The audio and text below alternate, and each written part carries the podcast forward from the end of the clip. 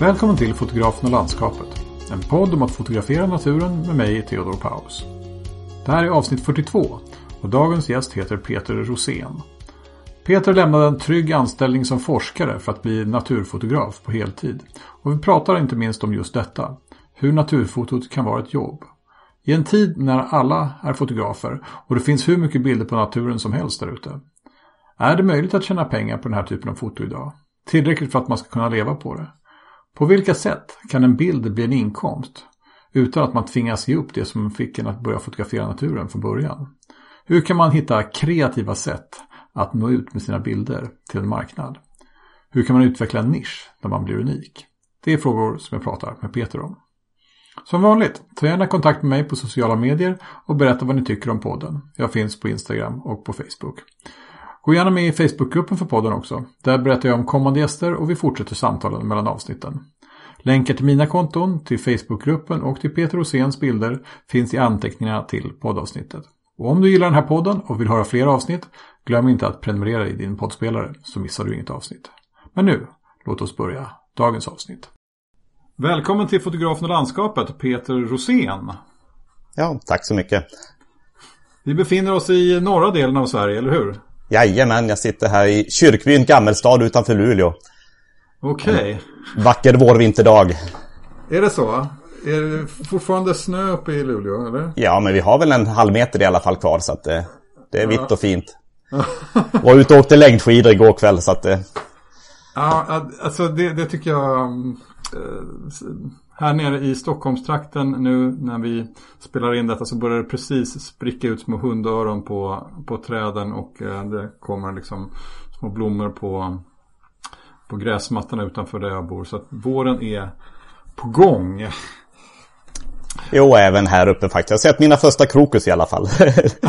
Som ni sannolikt hade redan i januari kanske, men i alla fall.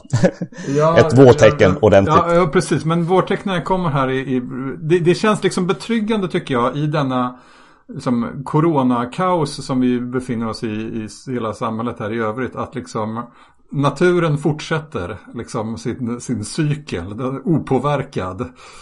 Ja men så är det och naturen är alltid säker på något sätt. Mm. Jag tror faktiskt att det här har också inneburit en hel del jag menar, fler har ju hittat ut. Jag var i liksom, um, Tyresta naturreservat här utanför Stockholm för någon helg sedan. Och det, jag har aldrig sett så mycket folk på parkeringen. Det har liksom mobiliserat folk ut i naturen på ett... På ett um... Ja men det är ju underbart faktiskt att höra. Ja. Du, vad roligt att du är med. Eh, du har blivit, vi har, podden och jag har blivit tipsad om dig av tidigare gäster. Eh, och eh, du är ju verksam på flera olika sätt. Vi ska, jag hoppas att vi ska kunna prata lite grann om norrskensfoto som du ägnar en del åt. Men du har ju också en, en verksamhet där du har både bildbyrå, och producerar olika typer av liksom, kort och även smycken och också arrangerar guidade fototurer med den samlade gemensamma bilden att det har med Norrbotten att göra. Är det rätt uppfattat? Ja, det stämmer jättebra. Jo då. Det gäller att inte vara för bred idag om man ska överleva som fotograf. Ja. Eh, och du har också en lite annan, du har inte, började inte som fotograf så att, eh, jag tänkte vi kan prata om, om det också. Ska vi inte börja där helt enkelt? Liksom, vad, eh, hur, hur började fotot för dig? Ja, faktiskt kan vi säga, vi går tillbaka till 92 när jag for till Alaska för första gången. En fiskeresa. Där jag köpte min första systemkamera och fick de första bilderna på björnar och örnar och annat och kom hem och var väldigt stolt eh, över de bilderna. Och, men jag tror nog nästan att eh, när kompisarna såg bilderna så var det nog mer uppskattande beröm än att bilderna verkligen var bra. Men, men ändå så väcktes ett liv då och intresse för fotografering. Um, det är en parallell historia till Jan Peter Lahall som var med i tidigare avsnitt i podden som också har nästan, nästan ordagrant beskrev det på det sättet som du gjorde precis nu.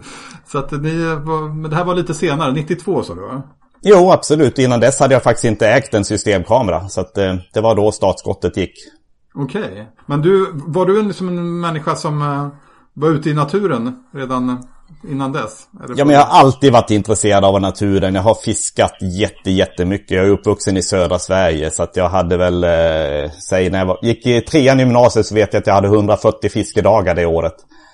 Och det säger väl lite grann. Och resten av tiden höll jag på med orientering. Sa du att du är uppvuxen i södra Sverige? Ja, jag är uppvuxen i Småland.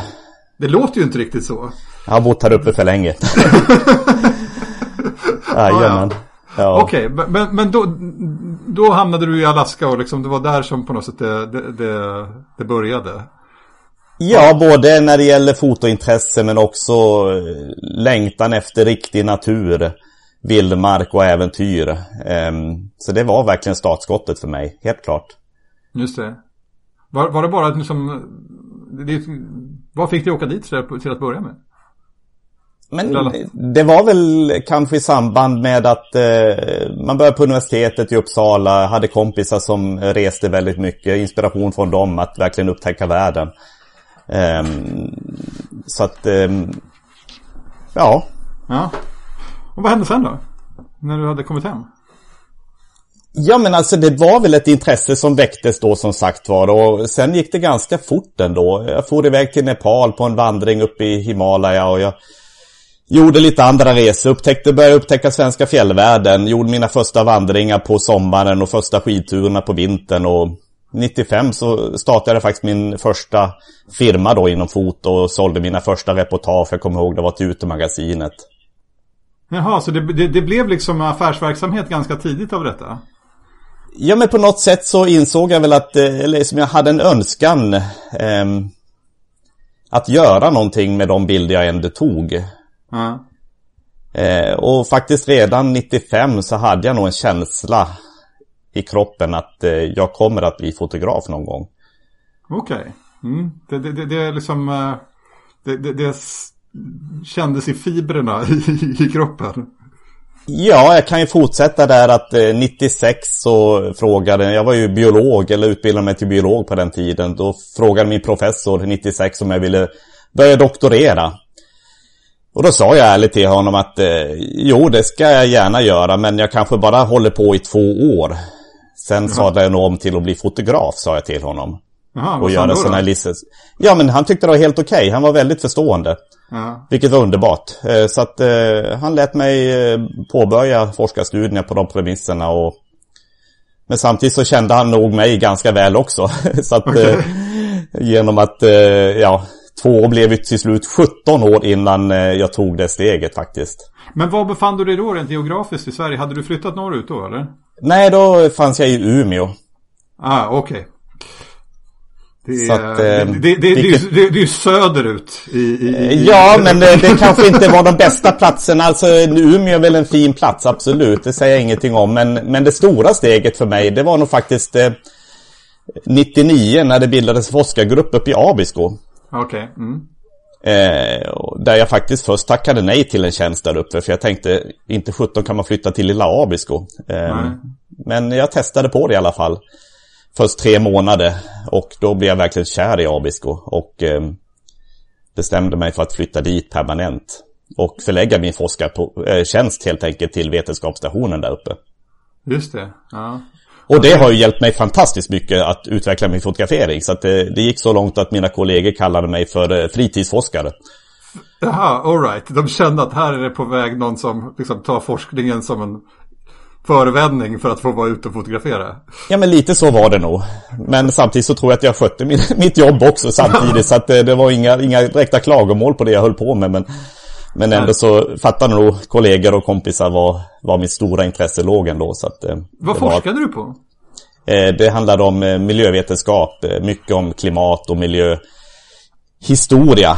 Där vi försökte rekonstruera klimat och ja, olika miljöaspekter i ett historiskt perspektiv genom att använda sjösediment. Ja, all right. Det är motsvarigheten till att liksom borra sådana här hål i glaciärkärnor och titta på saker. Och... Jajamensan, absolut. Alltså här var i sediment då? Ja. Det här var i sediment istället. Det är ju en helt fantastisk miljö. Jag har varit i Abisko en gång. Uh, det var lite grann av en hit and run. Jag var bara där i två dagar. Uh, men det var ju... Och det regnade hela tiden. Men, men det var ju det är en fantastiskt fin plats. Alltså. Det är... Ja, det är en fantastiskt fin plats och enkel. Ja. Så är man nybörjare på fjällen så kan jag varmt rekommendera Abisko faktiskt. Ja. Ja, men så det, det var egentligen där, där som togs det ett rejält steg då för dig. Liksom, både mot ännu mer norrut liksom, och ännu mer foto. Är, är det så man ska tolka det? Ja, men att bo på en så fin plats som Abisko förenklar ju eh, fotograferingen. Genom ja. att man är på plats hela tiden. Och ja. kan välja sina ögonblick. Så det är ju många gånger när jag har åkt upp med linbanan uppe på Nolja eh, under mina solens tid och kanske kommit hem 3-4 på morgonen. Genom att, ja, så det går inte att gå och lägga sig den tiden på året. Nej. Vad var det som liksom, du ville fotografera? Ja men det är väl eh, Det som jag tror är genomgående för mina bilder det är nog Ljuset i svenska Lappland som jag tycker är speciellt Alla tider på året egentligen Och sen fylla Ljuset med ett innehåll Och det här innehållet kan ju vara allt ifrån ett landskap Till ett djur Till människor som gör någonting I det här fina landskapet ehm, men det är nog ljuset som är det viktigaste för mig. Ehm, Vad är det som är så speciellt med ljuset i den här miljön? Men säg på midvintern så har vi ju alltifrån det fina norrskenet till midvintertonerna som kan vara alla möjliga pastellfärger. Från blått till violett och rosa. Eh, till sommarens mjuka varma ljus där vi har otroligt fint ljus redan ja, från nio på kvällen fram till 3-4 på morgonen.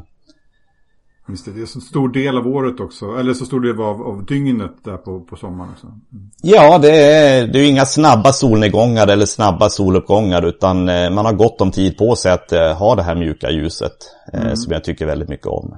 Var det så redan från början att det var liksom, liksom ljuset snarare än landskapet som var det som lockade? Ja men det är ju en kombination, det är inte bara ljuset utan det är ju att sätta Landskapet är ju viktigt i sig också, jag älskar vildmark där jag känner liksom att eh, Ja Favoritplatsen är ju när man har kanske en mil till närmaste väg mm. eh, Så det är ju en eh, helhetskänsla som är viktig för mig så jag brukar säga det liksom när jag är ute och fotograferar så kallar jag det aldrig jobb faktiskt. Utan eh, det är ju full njutning. Jobbet kommer först när jag kommer hem till datorn. Just det, ja precis. Men berätta mera hur, hur liksom, eh, historien här om, om ditt fotograferande utvecklas. Du, du, du liksom kom dit och, och, och eh, bedrev ditt eh, fotograferande i, i, i Abisko parallellt liksom med dina, din forskning. Och, och vad hände sen då? Ja, men eh, jag, att jag tog steget sen 2012 eh, berodde nog väldigt mycket på eh, Ja, dels att jag fick min första son Niak 2011. Och jag insåg att jag kunde inte hålla på med både forskning och fotografering. Utan jag var tvungen att välja ett utav dem. Och då fick själen styra helt enkelt. Och det var nog många som tyckte att jag var tokig. När Jaha. många andra fotografer faktiskt eh, började få svårt att överleva så överger jag faktiskt en fast lön och ja, en bra inkomst till att gå en betydligt mer osäkrare tillvaro till mötes. Men eh, samtidigt så känner jag mig själv att jag är en projektmänniska. Och eh, ja, jag, jag, är van vid att driva projekt och så vidare. Så att jag kände något slags eh, förtroende för mig själv att ändå våga ta det steget. Det, det, var liksom då det började bli svårt på riktigt liksom att vara fotograf. Ja men det var nog så. Det var ju då bildbyråbranschen gick ner ganska dramatiskt genom eh, att den digitala världen verkligen tog över fullständigt. Den tog över eh, ännu tidigare än 2012 i och för sig. Men, eh, men visst, bildbyråbranschen gick ner radikalt den tiden. Men där har jag gått en annan väg. Jag har varit medlem i Bilbyrån Norlandia under många år fram tills de la ner sin verksamhet. Men en skillnad kanske jämfört med många andra fotografer är att jag aldrig har litat på bildbyråverksamhet utan försökt bygga upp min egna kundkategori. Ja. Och sälja via min egna hemsida. Um, och den, eh, en bildbyråsida, den utvecklade jag redan, ehm, ja om det var kanske 97-98 någonting. Mm. Den första. Hade du bedrivit liksom affärsverksamhet i någon annan form tidigare? För, som, var du liksom, det här, var det här ditt första försök som företagare? Det är mitt första försök, absolut. Jajamensan. Mm, Men för annars är det, det, det är inte alltid givet liksom att de som kommer från forskarvärlden är liksom eh, vet hur man drar in pengar från annat än anslag. Men eh, det, det Eh, men det, vad, hur tänkte du där? Vad, liksom, förutom att du, det var ju uppenbart så att du kände att du ville. Liksom, att det var det som kändes mest lockande. Men vad var din plan liksom, ehm, när du skulle göra detta till ett, till ett eh, yrke? Jag insåg nog att eh, en stor hjälp för mig har ju varit norrskenet och den enorma uppgång det har varit när det gäller norrskensturismen.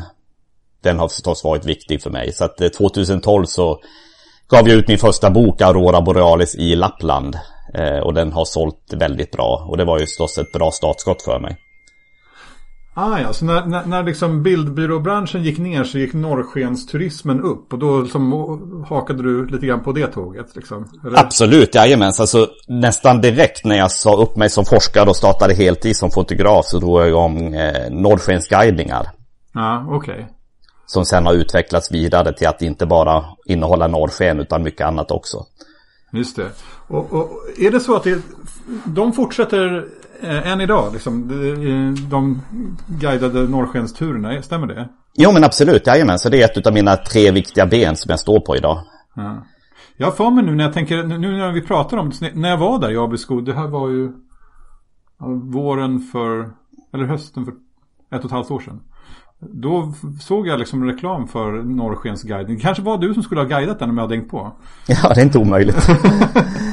ja. Jag koncentrerade på idag. För I början så körde jag kvällsturer med Norrskens guidningar. Det jag koncentrerar mig på idag det är att göra uh, längre turer. Fem till åtta dagar är de. Men då okay. inkluderar vi ja, hundspann, renslädesturer, besök på ishotellet och Eh, landskapsfotografering och det är älgfotografering och sen självklart norrsken och astro då på kvällarna. Ja.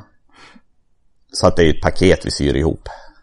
Just det, så att det, det här, du, du är del av en, en, del av, vad ska man säga, eh, besöksnäringen. Liksom, i, i, ja, men i allra högsta grad, absolut. Jajamensan. Ja, Under midvintern. Jag kör alla mina turer. Tidigare körde jag på sommaren också.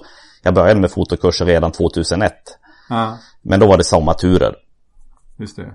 Och nu är det enbart vinterturer. Det utesluter inte att jag kör någon sommartur då och då kanske. Eh, även framöver. Men, men det är lättast att få turister helt klart eh, under vintern. Just det. Och precis, så då är det som det är nu då lite längre resor. Liksom. Ja, med, med, man är borta ett antal dagar liksom, och får liksom, uppleva olika delar av, av, av miljön. Liksom, olika...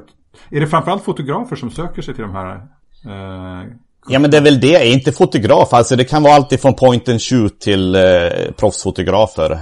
Um, så vi har haft till och med ja, väldigt kända fotografer från USA och så vidare med på turerna. Men um, det viktigaste för mig är att man har ett intresse av att lära sig mer om fotografering. Och sen försöker vi liksom, eh, det är små grupper, max sju deltagare.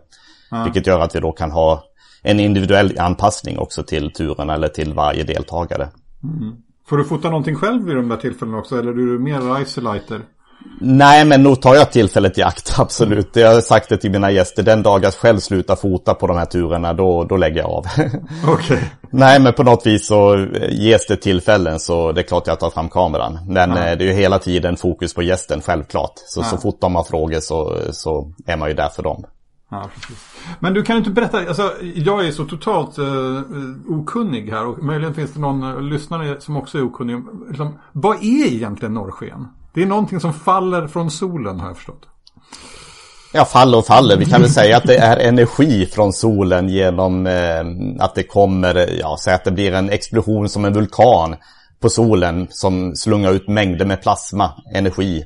Mm. Som sen förs då med solvinden Eh, och förhoppningsvis så förs den då mot jorden. Ja. Och den här energin fångas in eh, och blockeras egentligen av eh, magnetfältet vi har kring jorden. Eh, och utan ett magnetfält så skulle vi faktiskt inte kunna leva på vår jord. Det skulle vara för mycket energi som skulle träffa oss. Precis, men, men det här så, är liksom... Vad tänkte du? Jo, nej men och, och, och, och, på något sätt så ser man det här i norra delen av jordklotet. Är det för att liksom magnetfältet är speciellt där då? Det... Ja, eh, säg vid ekvatorn så är magnetfältet väldigt, väldigt stabilt. Och där släpps nästan ingen energi igenom alls in till atmosfären. Men ja. just eh, vad vi kallar norrskensovalen, som då ligger över norra Skandinavien, där är magnetfältet lite svagare. Så där kan den här Aha. energin följa med de här magnetlinjerna okay. in i atmosfären där vi har syre och kväve. Mm. Och sen så, och, och, då, och det, det som materialiserar sig som ljus då? Eh, liksom. Ja, det är elektroner helt enkelt som exciteras. Ja. Och när elektronerna faller tillbaks igen så eh, utsänds då ljus. Och är det syre då så kan det vara både grönt och rött och ja, Ah, framförallt det, de det, två det, det, det är det som påverkar färgen. Alltså hur, hur mycket hur syret ser ut runt om dem. För att det, de kan ju vara i många olika färger liksom de där. Men det är väl ofta grönt liksom. Men det, Ja, det är det vanligaste. Och det kommer från syremolekyler. Ja. Ha, men när man fotograferar det här då, liksom. Eh, hur, vad är en bra bild liksom? Som eh, föreställande. Vad är idealet tycker du? Ja, faktiskt. eh, Det kanske låter lite konstigt, men eh, jag säger nog då att eh, förgrunden är nästan mer viktig än norrskenet i sig. En Ja. ja. norrskensbild kan vi alla ta genom att rikta kameran upp mot eh, himlen och ja, sätta kameran på stativ och ha en lång slutartid. Ja, Men det som utmärker en bra norrskensbild är ju att ha en fin förgrund också. just det. Och det är väl det jag hjälper till med när det gäller gästerna, att jag vet var vi ska fara för någonstans. Ehm, Så att eh, vi får den här fina förgrunden. Vad kan det vara som du tänker är...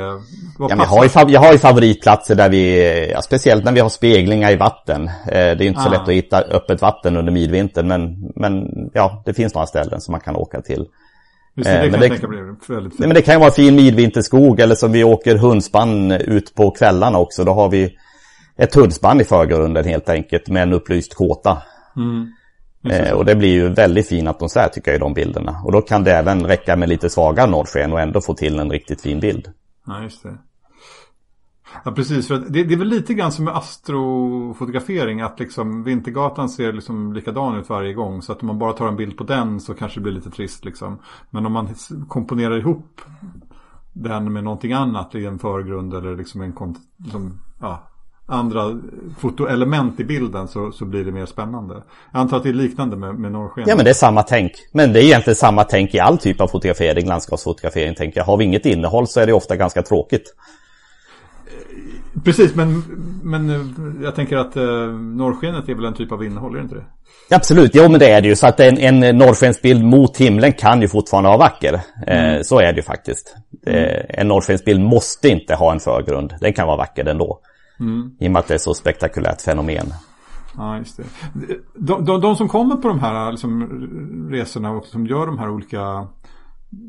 Det, det här är en lite annan typ av paketering av fotoresor än många andra gör. Liksom. Eh, alltså, det finns ju många som arrangerar fotoresor men, men då har de ju ofta mera fokus på själva fotot. Du har ju liksom byggt ihop det här till flera komponenter. Liksom. Eh, eh, är det en annan, andra typer av människor som åker på det? Ja men jag kan säga att jag har nog mer än 95% utländska gäster. Okej. Så det är, eh, så jag kan gärna välkomna fler svenskar till mina turer. Helt klart. Ehm, Har det Eh. varit en, någonting som du har velat att det ska vara så? Har du liksom sökt emot en utländsk Nej men det är nog, har nog bara blivit så. Det känns som att ehm, utländska gäster, ja det är lättare att få, få dem till vinterturer helt klart. Om jag anordnar en sommartur så är det lättare att få svenskar däremot. Okej. Av någon anledning. Så att alla turer jag började med 2001 fram till 2002, då var det ja, 99% svenskar.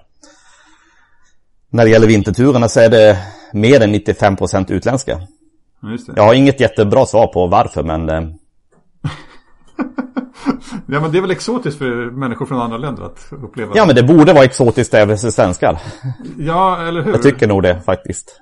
Ja.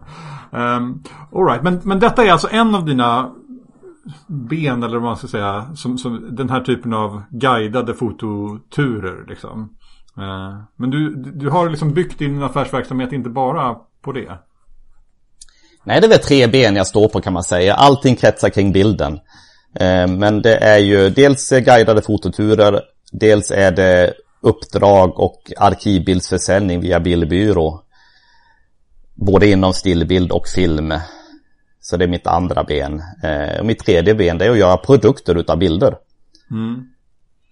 Berättat Som jag, då säljer, som jag då säljer till olika souvenirbutiker eller ja, de som Framförallt, men även, eh, vi gör ju smycken faktiskt också utav bilder. Eh, Ja, det låter ju är- jätteroligt. Det- Kan du inte berätta mer om smyckes... eh, hur du avsätter dina bilder i form av smycken? Ja men norrsken är ju väldigt estetiskt och det finns en kraft inom norrskenet som många tycker om och vill bära med sig. Så då tänkte vi liksom att varför inte göra halsband och örhängen och så vidare utav just norrskens eh, motiv. Mm. Så vi testade det om det var 2014 vi drog igång verksamheten med ett par motiv bara lite försiktigt. Men de gick väldigt, väldigt väl. Right. Så nu har vi expanderat den verksamheten så vi har även andra typer av motiv, även eh, sommarmotiv med midnattssol och eh, ja, husky på motivet och så vidare. Så att, eh, att bära med sig ett minne hem från sin resa. Just det. Uh, ja, det där är ju väldigt kul tycker jag. Um, att liksom fundera på hur kan vi uh, hur kan man liksom på något sätt göra bilden till en produkt? Liksom. Så att, eh, eh, jag menar att fotografera en bild som man sätter i en ram och säljer den som en tavla. Liksom. Det, det, är en typ av avsättning för en bild. Men det är alltid väldigt spännande när man kan se att en bild kan liksom ha många olika typer av leva i många olika typer av kanaler eller liksom former om man säger. Jag hade ju eh, eh, hon som var gäst här eh, eh, senaste avsnittet eh, eh, Louise Nordström Pettersson hon, hon var ju har ju även sin bild på en i Coop-kasse. Som, ja. Som, som, de, de liksom, turistbyrån i, i, på Bjärehalvön där, de har liksom äh, köpt hennes bild och satt den på liksom, matkassar. Liksom. Så det, det är en annan grej. Liksom. Men, men jag menar, man, det krävs väl en viss kreativitet liksom, att hitta liksom, lite nya sätt att på något sätt sälja sitt, sina verk om man ska ha det som ett, som ett um, om det ska vara en ett jobb liksom, en, en inkomst. Ja, men jag kan ju säga det ärligt att eh, skulle jag bara leva på arkivbildsförsäljning via bildbyrå och uppdrag idag, eh, då skulle jag inte ha det så fett. Eh, men tillsammans med de andra två benen så, så lever jag ganska bra på min fotografering idag. Jag tycker det kan också vara lite uppmuntrande kanske för andra ja. att höra att eh, det är absolut möjligt idag att leva på sin fotografering, även om man är naturfotograf. Men man måste nog eh, se lite bredare på det än vad man gjorde för tio år sedan. Ja, vad, vad mer har du tänkt att du ska göra av dina bilder? Ja, alltså jag försöker ju, dels prata det här om produkter, det är alltifrån vykort till kylskåpsmagneter, smycken och eh, sen har jag gett ut två stycken böcker, jobbar nu med min tredje bok. Mm. Um, Sen försöker utveckla verksamheten betydligt mer nu mot filmsidan. Där ser jag ett större behov nästan. Så att för, förra året hade jag faktiskt större omsättning på film än vad jag hade på stillbild. Och det är nog en... en det är bildbyråuppdrag då som du... Ja, det är både bildbyråuppdrag men också uppdrag att eh, gentemot, eh, ja, det kan ju vara SVT eller vad som helst som, eh, som har behov av eh, film. Det är helt enkelt på beställning. Men då, du sa det tidigare här att när du är ute och fotograferar, då, som du jobbar du inte utan det är när du kommer hem. Men, men det måste väl ändå vara ganska, ändå, annan typ av liksom känsla av jobb när man liksom har ett specifikt uppdrag som man jobbar med. Liksom. Jo men det är det, det beror ju på vad det är för typ av uppdrag. Det är klart att eh, som jag spelade in nu drönarscener till eh, hemma hos arkitekten. Eh, och det är klart att när man har en producent som, som verkligen tittar på varenda liten sekund man tar så det är klart det är mer stressande. Men det är också utmanande och utvecklande. Okay. Där man verkligen måste utföra ett jobb så som de vill ha det. Ehm, så att det, ja, jag gillar utmaningar. Ja. Men, så att jag har ingenting emot det. Men precis, men, men, får du tillfälle att komma ut liksom bara för din egen skull också? Ja men absolut. Det största verksamheten är faktiskt eh, bildbyråförsäljning. Eh, och eh, där ser jag till då att försöka få så bra bilder som möjligt från just Norrbotten och svenska Lappland. Mm. Eh, som då kan sälja om och om igen. Eh, och det fungerar ganska bra fortfarande. Så att, hur, hur, en viktig del av inkomsten kommer därifrån faktiskt. Hur går det till liksom? Är det så här, är det en, du själv som kommer på en bildidé att här borde jag ta en bild på det här och sen så åker jag ut och tar en bild och sen så hoppas jag att den blir av? Ja men visst har jag, jag, jag har ju luckor i bildbyrån och då försöker jag faktiskt fylla upp de luckorna så gott jag kan. Eh, som förra sommaren så koncentrerade jag mig en del på Bottenvikens skärgård där jag saknade rätt mycket bilder. Men okay. då åkte jag ut och hade ganska trevligt ute på öarna. Och samlade samtidigt eh, arkivmaterial då. Okej, okay, så är ambitionen att vara liksom så heltäckande med bilder från naturen i de här miljöerna som möjligt, eller? Ja men från, säg från Luleå skärgård eh, upp till eh, Abisko eh, området. Inklusive Laponia och så vidare. Så där försöker jag vara så heltäckande som möjligt när det gäller landskap, friluftsaktiviteter, norrsken, midnattssol och så vidare. Och egentligen det som lockar människor att komma till svenska Lappland tänker jag. Mm. Det är så jag tänker. Mm. Just det. Blir det en annan typ av estetik i den typen av bilder som är liksom producerade för att kunna ingå till bildbyråbilder liksom än bilder som du har tagit i andra sammanhang? Ja, eh, jag tror ju det jag försöker tänka det är ju enkla bilder. Mm. Eh, någonting jag försöker lära ut till gäster på fototurer det är ju liksom att eh, förenkla bilder. Då mm. blir det ett tydligt budskap. Och det tror jag också att eh, marknaden gillar. Tydliga budskap och enkla bilder. Mm. Blir det för komplicerade bilder så, så vet man inte riktigt vad man ska titta på bilden och inte heller budskapet. Ja, precis. Jag kan, och jag kan tänka mig att också liksom det får inte vara för konstnärligt heller liksom. Om det är för mycket oskärpa och konstigheter liksom. Så blir det väl kanske också... Nej, de säljer nästan inte alls kan jag säga. Den typen av bilder. Nej, det gör det inte. Um, utan det är, det, det är vissa typ, typer av bilder och det, det finns ju miljoner bilder på lapporten. Mm. Så är det ju, men det är fortfarande ett uh, motiv som säljer. Ja. Det finns tog, miljo jag... miljoner bilder på norrsken men det är fortfarande det som säljer. Det är så? jo, det är ju faktiskt så. Så att eh, det är, eh, ja. För det finns alltid köpare som saknar de bilderna. Och då är väl min ambition om att jag ska ha dem lättillgängliga via bildbyrån då helt enkelt.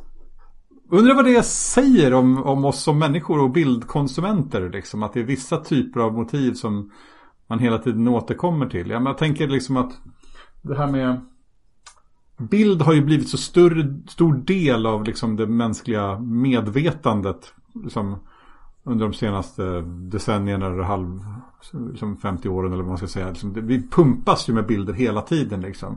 Så man kan tänka sig att på något sätt um, man skulle få liksom, över tid ett mer liksom, avancerat liksom, bild um, bli mer avancerad som konsument av bilder och ställa andra typer av krav och, och sådär på, på de bilderna som man har. Men det, eh, det verkar som det är många saker som, hela, som återkommer i liksom, vad, vilken typ av bilder som uppskattas. Liksom, I alla fall kanske i bredare grupper. Har, har du reflekterat någonting över, över det? Alltså det är ju hårdare krav när det gäller bildkvalitet, när det gäller brus och skärpa och så vidare. För det går ah. inte att jämföra. Idag går det ju inte att sälja, eller jag vill inte ens eh, presentera eh, skannade dia längre. Nej. För det, det ser ju för hemskt ut. um, ja men det är det. Det kan vara någon enstaka mellanformatsdia som fortfarande kan fungera absolut. Men annars så, så ja, det går inte längre. Um, så att det, eh, det har ju ställts, det ställs ju högre krav idag på kvalitet, så är det ju. Precis. Men jag, jag, jag, jag var kanske lite mer inne på liksom bildinnehållet. Liksom. Att du var ju inne på att liksom där, um, det... Um, men där vet det, jag inte om det har hänt så mycket egentligen. Inom så? naturfotografering. Eller ja, det kanske det finns, eh, finns ju fotografer som utmärker sig. Eh, typ, vad heter han, Malm som du har intervjuat? Erik Malm. Erik Malm ja, som, som har en egen stil. Som är väldigt fin också. Så det finns ju de som har utvecklat absolut. Um, men det är sig intressant också att höra din reflektion kring liksom, är, är din bild att liksom naturfotot i, i, i Sverige är ungefär så som det har varit tidigare? Hos många fotografer tycker jag nog det. Eh, ja. Men det är klart att det finns vissa saker som har gjort det är som jag går och funderar nu på om jag ska köpa mig ett eget flytgömsle som jag såg Staffan Widfan använde nu. Som jag tycker ser otroligt fint ut och det var inte så många som använde det för tio år sedan. Vad är det alltså? Ja men att man helt enkelt går ut med en torrdräkt i vattnet och möter fåglarna på, eh, ja, ute på vattnet genom att man har ett gömsle omkring sig. Det är som en... Dels så kan man komma dem mycket närmare, men sen får man ju fågelperspektivet verkligen från eh, sjöytan. Uh -huh. Och få helt andra vinklar som är väldigt fina. Ja, det låter ju coolt. Alltså där utvecklas ju saker och ting. Andra saker som har utvecklats är ju att det är betydligt lättare att ta en björnbild idag genom att man kan hyra gömslen. Så att vissa delar ja. har ju blivit enklare idag. Och, eh, och det har ju också utvecklat bilden till att bli bättre. Så är det ju. Ja. Men en landskapsbild idag och för 15 år sedan vet jag inte om den skiljer sig så jättemycket åt om man inte heter typ Erik Malm då. Eh, ja, som, som gör någonting annat utav det. Det, det, det, är intressant att du säger så för att jag, jag, jag har en ganska annorlunda uppfattning i den frågan. Eller liksom min bild ja, men absolut. Är, uh, jag har fått, jag har inte liksom följt liksom, du har varit med, med, med längre än jag men jag har liksom försökt, jag har kommit in senare men försökt sätta i min på lite grann hur det har varit. Och min bild har ju varit att man kanske får gå lite längre tillbaka än 15 år men att men naturfotot ändå har utvecklats ganska mycket från att ha varit väldigt dokumentärt och liksom ganska lite småtråkigt om man ska vara så. Eh, till att bli mer av dra mer åt det konstnärliga hållet. Liksom. Att, eller i alla fall större bredd i olika typer av bilder. Eh. Det här handlar ju om hur långt tillbaka i tiden vi går. Så att, ja. tittar vi på eh, profiler som Sven Hunell till exempel. Som ju ja. Är en väldigt erkänd fotograf. För jag tycker fortfarande att han var en pionjär uppe i Lapplandsfjällen. Eh, ja. Men jämför vi hans bilder idag med dagens bilder så det är klart att då ser man ju en stor, stor utveckling. Så är det ju ja. faktiskt. Jag tittade i någon gammal bok som Naturfotograferna, en årsbok som de gav ut och kände att det liksom, de här bilderna var väldigt annorlunda mot de som man ser idag. Liksom, även, och, och sen så upplever jag också att det har varit en ganska stor kvalitetsförbättring. Förutom att stilen har så, så är det ju som, i och med att det är så många fler fotografer idag så är det också ganska många som är Alltså nästan bara av de stora talens lag så är det fler, fler, fler som är bra liksom. Ja men så är det också, absolut. Ja. Ah, ja, jo då, jag, jag håller med om att eh, naturfotograferingen utvecklas men principerna i sig det är ju det att eh, redigeringsmöjligheter och så vidare är betydligt lättare idag med en digital bild än mm. med en diabild i förr i tiden. Så man kan lyfta skuggor och så vidare. Lättare, ja. det är lättare att ta eh, splittbilder under vatten och över vatten idag med tanke på den digitala tekniken. Och det utvecklar ju fotograferingen också. Just det, ja precis. Det tekniska har ju utvecklats mycket. Ja, den har ju utvecklats fantastiskt mycket. Ja. Som uh, möjliggör nya typer av bilder. Men, men om vi återgår lite grann till liksom dina bildideal liksom. Som både kanske vad som funkar kommersiellt och vad som är, känns som du känner dig extra stolt över när du tar? Liksom en, du nämnde att liksom på något sätt enkelheten i en bild är en viktig dimension. Um. Ja, men skala bort. Det är många som plockar fram en vidvinkellins uppe i fjällvärlden um, och försöker fånga hela landskapet. Men enligt min mening så är det risk att man tappar allt då. Ja. Istället så kan det vara bra att faktiskt ta fram ett teleobjektiv och uh, förenkla. Och kanske om man vill ta en panorama då stitchar man ihop bilder istället som ju är väldigt enkelt idag. Just det. Ja. Vad har du eh, Så att jag brukar säga liksom att eh, försök tänka i ett landskap där eh, plocka bort alla detaljer först. Ur landskapsbilden och sen plockar du tillbaka de mest viktiga elementen. Och skapar bilden utifrån det. Det är att mm. förenkla. Precis, och då skapar det ofta en har harmonisk bild. Först så ska man plocka bort och sen så ska man stoppa tillbaka. Ja men då, då istället för att börja tvärtom stort liksom och liksom ja då ser man förberett tänker jag. Mm. Tänk istället liksom vad är det absolut det mest slående i, den här, i det här landskapet. Eh, då tittar vi på det först och sen så kan du liksom kritiskt tänka vad, vad vill du ha med mer utöver det huvudmotivet. Det. Och kanske inte ta med för mycket. Ja. Då skapar vi ofta en mer harmonisk bild och det tycker vi ofta om att titta på. Är, är, du en sån fotograf som på något sätt eh, låter motivet vara styrande för bilden? Eller är det andra liksom, element i bilden som är det som styr för dig? Du pratade tidigare om ljuset. Liksom. Jag tänker man kan liksom vara det kan vara liksom motivet eller ljuset eller kanske kompositionen och allt det där ska naturligtvis fogas ihop. Men jag har en känsla av att vissa fotografer är liksom mer orienterade mot någon dimension av det där. Eller kanske någonting helt annat. Uh, var börjar du någonstans i din bild? Är det i motivet? Ja, alltså jag är nog sån där ganska långsam fotograf utav mig. Jag tar inte alltid jättemycket bilder. Ehm, jag känner av, jag kan liksom stå och titta på ett motiv både fem och tio minuter innan jag tar första bilden. Mm. För att känna in landskapet och se eh, hur man ska bygga upp bilden. Um, där jag liksom, ibland så vill jag inkludera en förgrund. Så att det handlar ju så himla mycket, det är inte något enkelt svar på det tror jag. Um, ibland är som jag säger att jag förenklar genom att bara fokusera med teleobjektiv på det absolut det viktigaste. Men ibland så ser man att det är en fin förgrund. Och då vill jag inkludera det också i bilden. Så att det, det beror nog på tillfället faktiskt lite grann.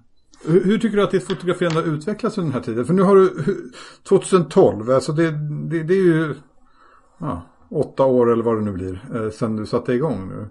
Eh, hur, känner du att ditt eget foto har utvecklats under den här tiden där du har varit en, där det har varit ett yrke? Ja, jag kan nog känna mig lite säkrare i många situationer. Eh, jag kan lättare ta på mig uppdrag och känna att jag kan leverera. Ehm, ja, jag har större lugn inför uppdrag och så vidare. Mm. Genom att man ja, har ju faktiskt lärt sig att hantera kameran ganska väl och även ha den utrustning som behövs. Så att eh, visst utvecklas man hela tiden. Eh, gör man inte det då, ja, det, det gör nog alla fotografer. Ja. Det som jag tror är viktigt är liksom att ha ett eh, självkritiskt tänkande också. Eh, och titta på andra bilder, eh, andras bilder, få inspiration. Man ska inte kopiera men man kan gärna ta inspiration av andra. Mm. Hur bibehåller du det där självkritiska? Ja, ehm, jag var väl inne på det, ja, självkritiska. Det, jag, jag, är nog sån som människa. Jag har ju bakgrund som forskare som sagt var. Där, där måste man vara självkritisk och liksom tänka utanför banorna. Skickar du dina eh, bilder på sån här peer review? Nej, det gör jag aldrig. Och jag är aldrig med i några fototävlingar heller. Eh, det är inte min grej riktigt. Eh, okay. Men däremot så får man ju egentligen feedback ifrån kunder faktiskt. Genom att man ser vilka bilder som säljs och vilka som inte säljs. Mm. Ja, precis. Och sen så har vi ett fotogäng här i Luleå också. Vi diskuterar ibland också lite grann. Vi tenderar väl att vara lite väl snälla mot varandra ibland kanske.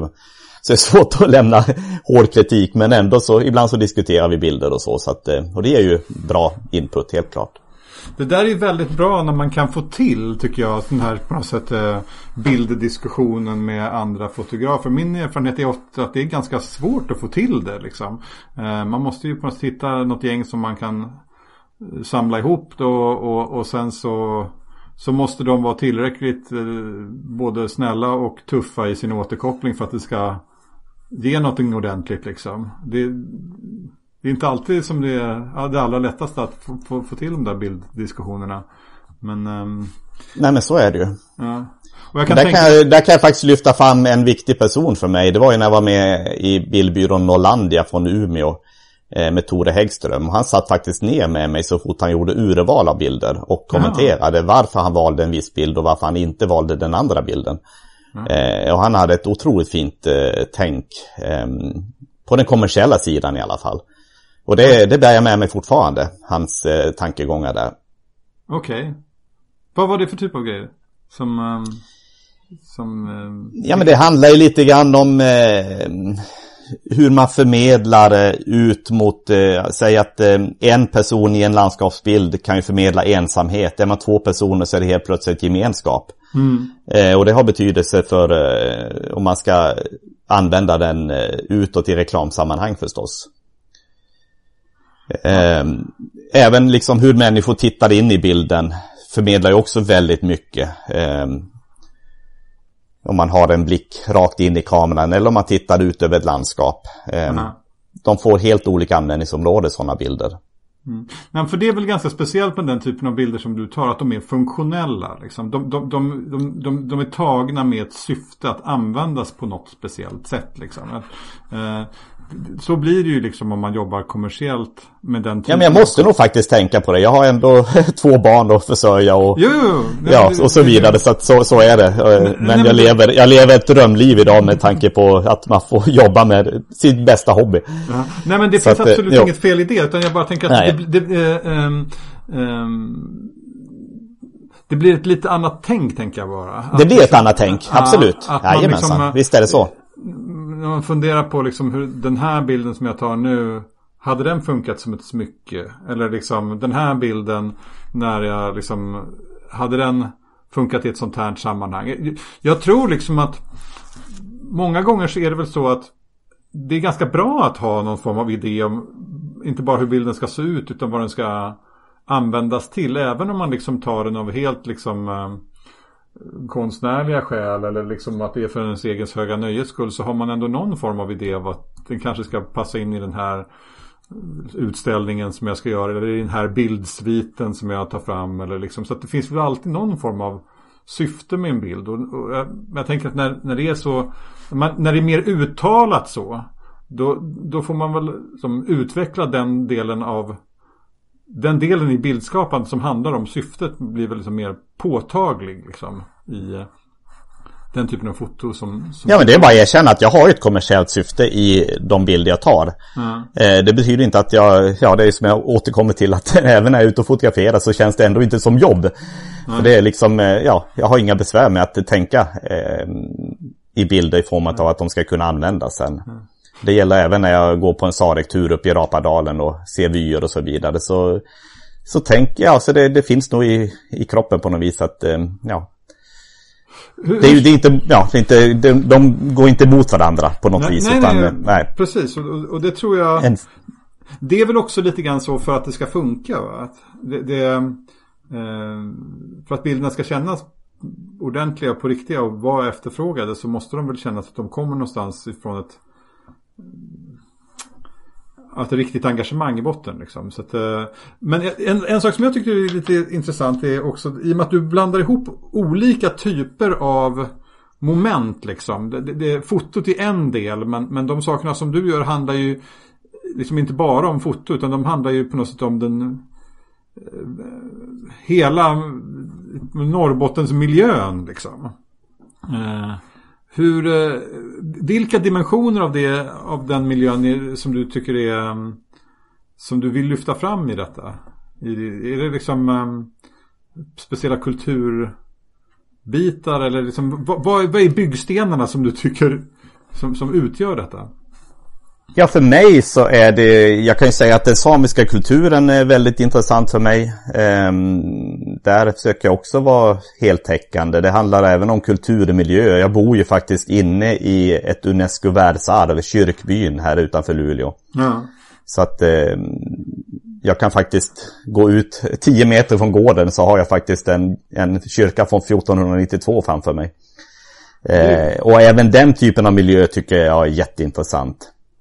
Mm. Så att det här är, på något vis så tror jag att eh, för mig handlar det om en äkthet. Naturen är ju alltid äkta. Eh, den är aldrig, ja, den är alltid äkta. Eh, men även kulturmiljö är på något vis en äkthet för mig. Vad betyder det för dig? En genuinitet, ett ursprung.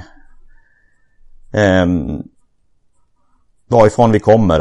Um, en harmoni. Harmonin kan jag hitta både i fina kulturmiljöer och i naturen. Mm. Däremot så är jag inte så stor fan av stora städer. Aha, okay, ja. Mm.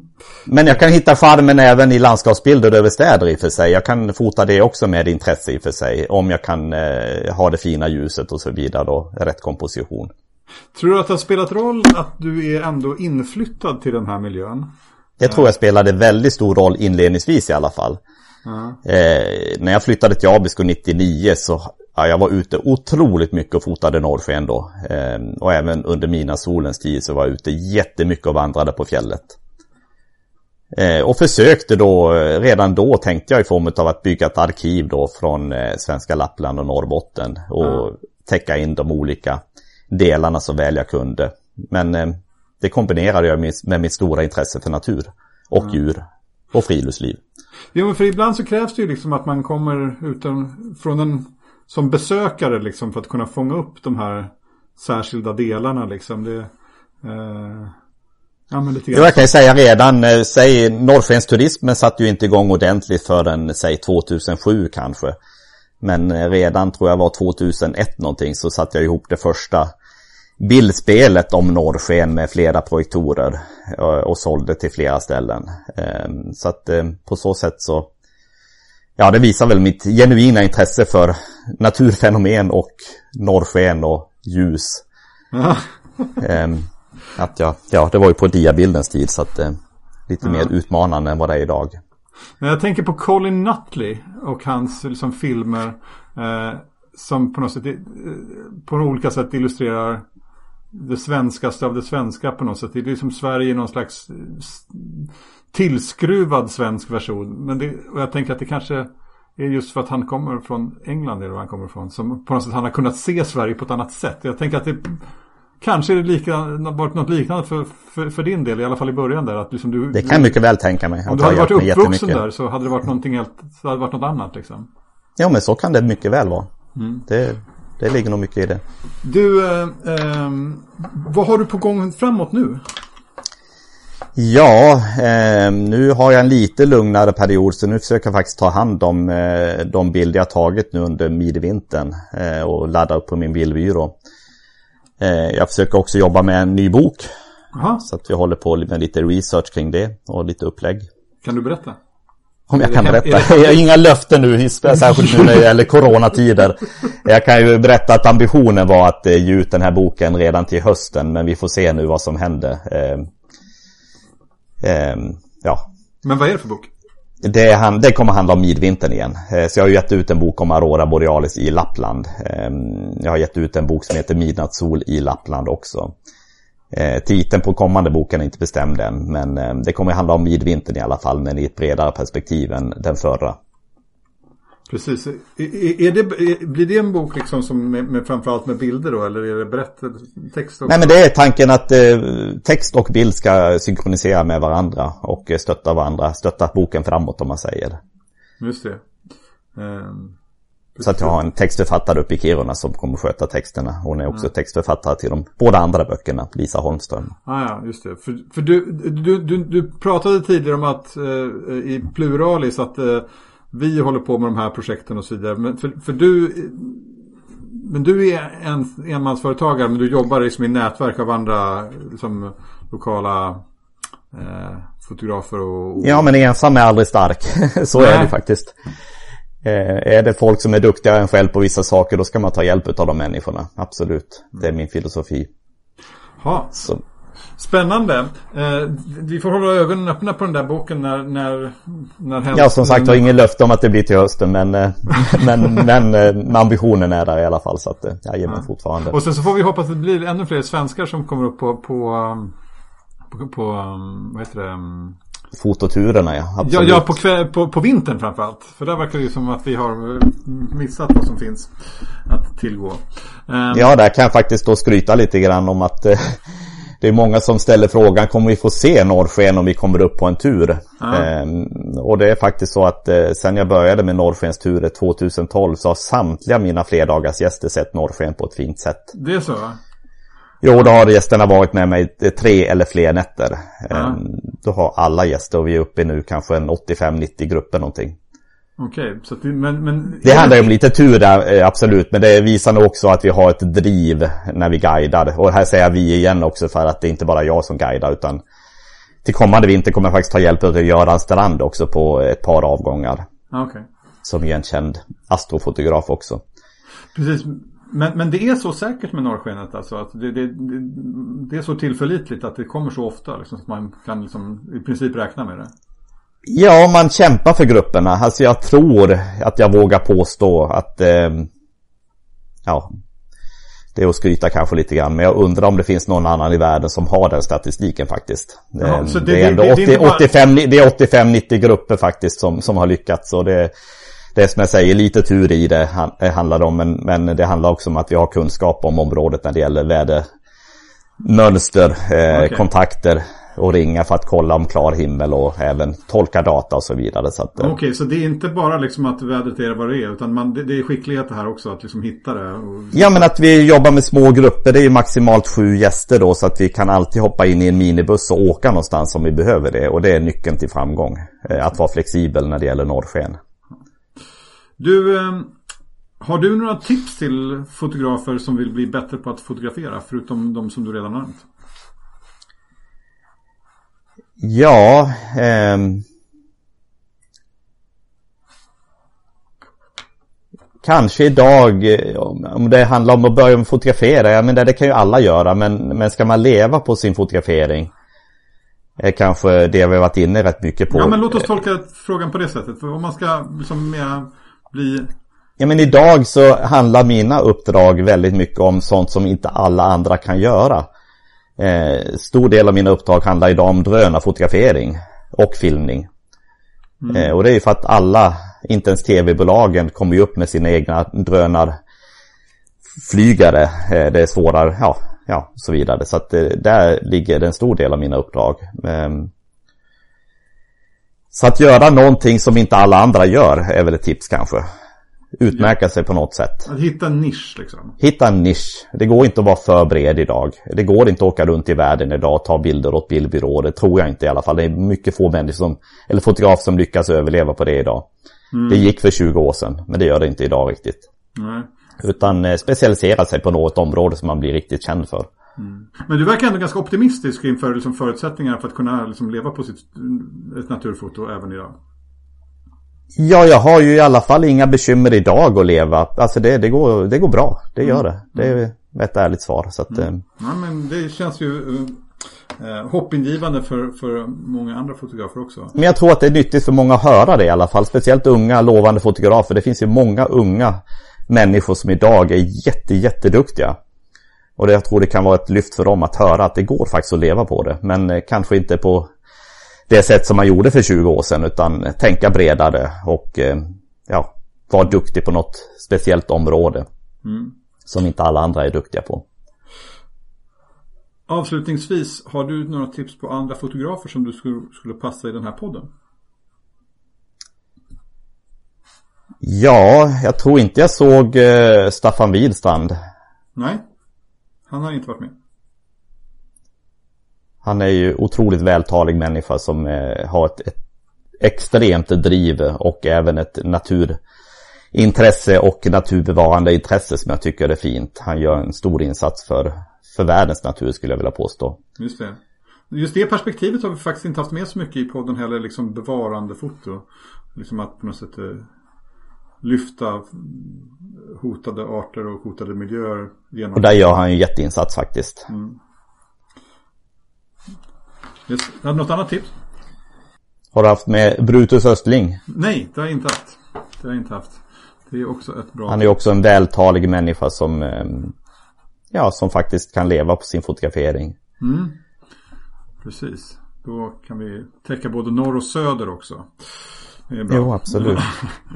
um, nej men vad bra. Men tack för de tipsen. Och uh, um, jag, uh, då får jag önska liksom en um, fin annalkande vår här när den kommer till, till dina trakter.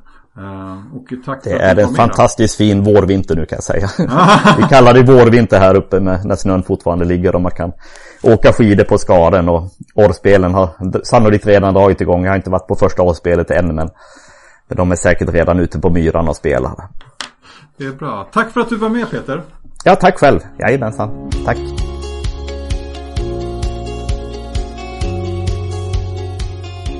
Tack även till dig som lyssnat på det här avsnittet av Fotografen och landskapet. Tveka inte att höra av dig om du har tankar och idéer om podden. Du hittar länkar till mina konton på Facebook och Instagram i anteckningarna till det här avsnittet. Där hittar du också länkar till Facebookgruppen för podden, länkar till Peter Roséns bilder och länkar till de fotografer som han tipsade om i slutet av avsnittet. Och som vanligt, om du gillar fotografen och landskapet och vill höra fler avsnitt, glöm inte att prenumerera i din poddspelare så missar du inget avsnitt. Det var allt för idag. Vi hörs igen om två veckor.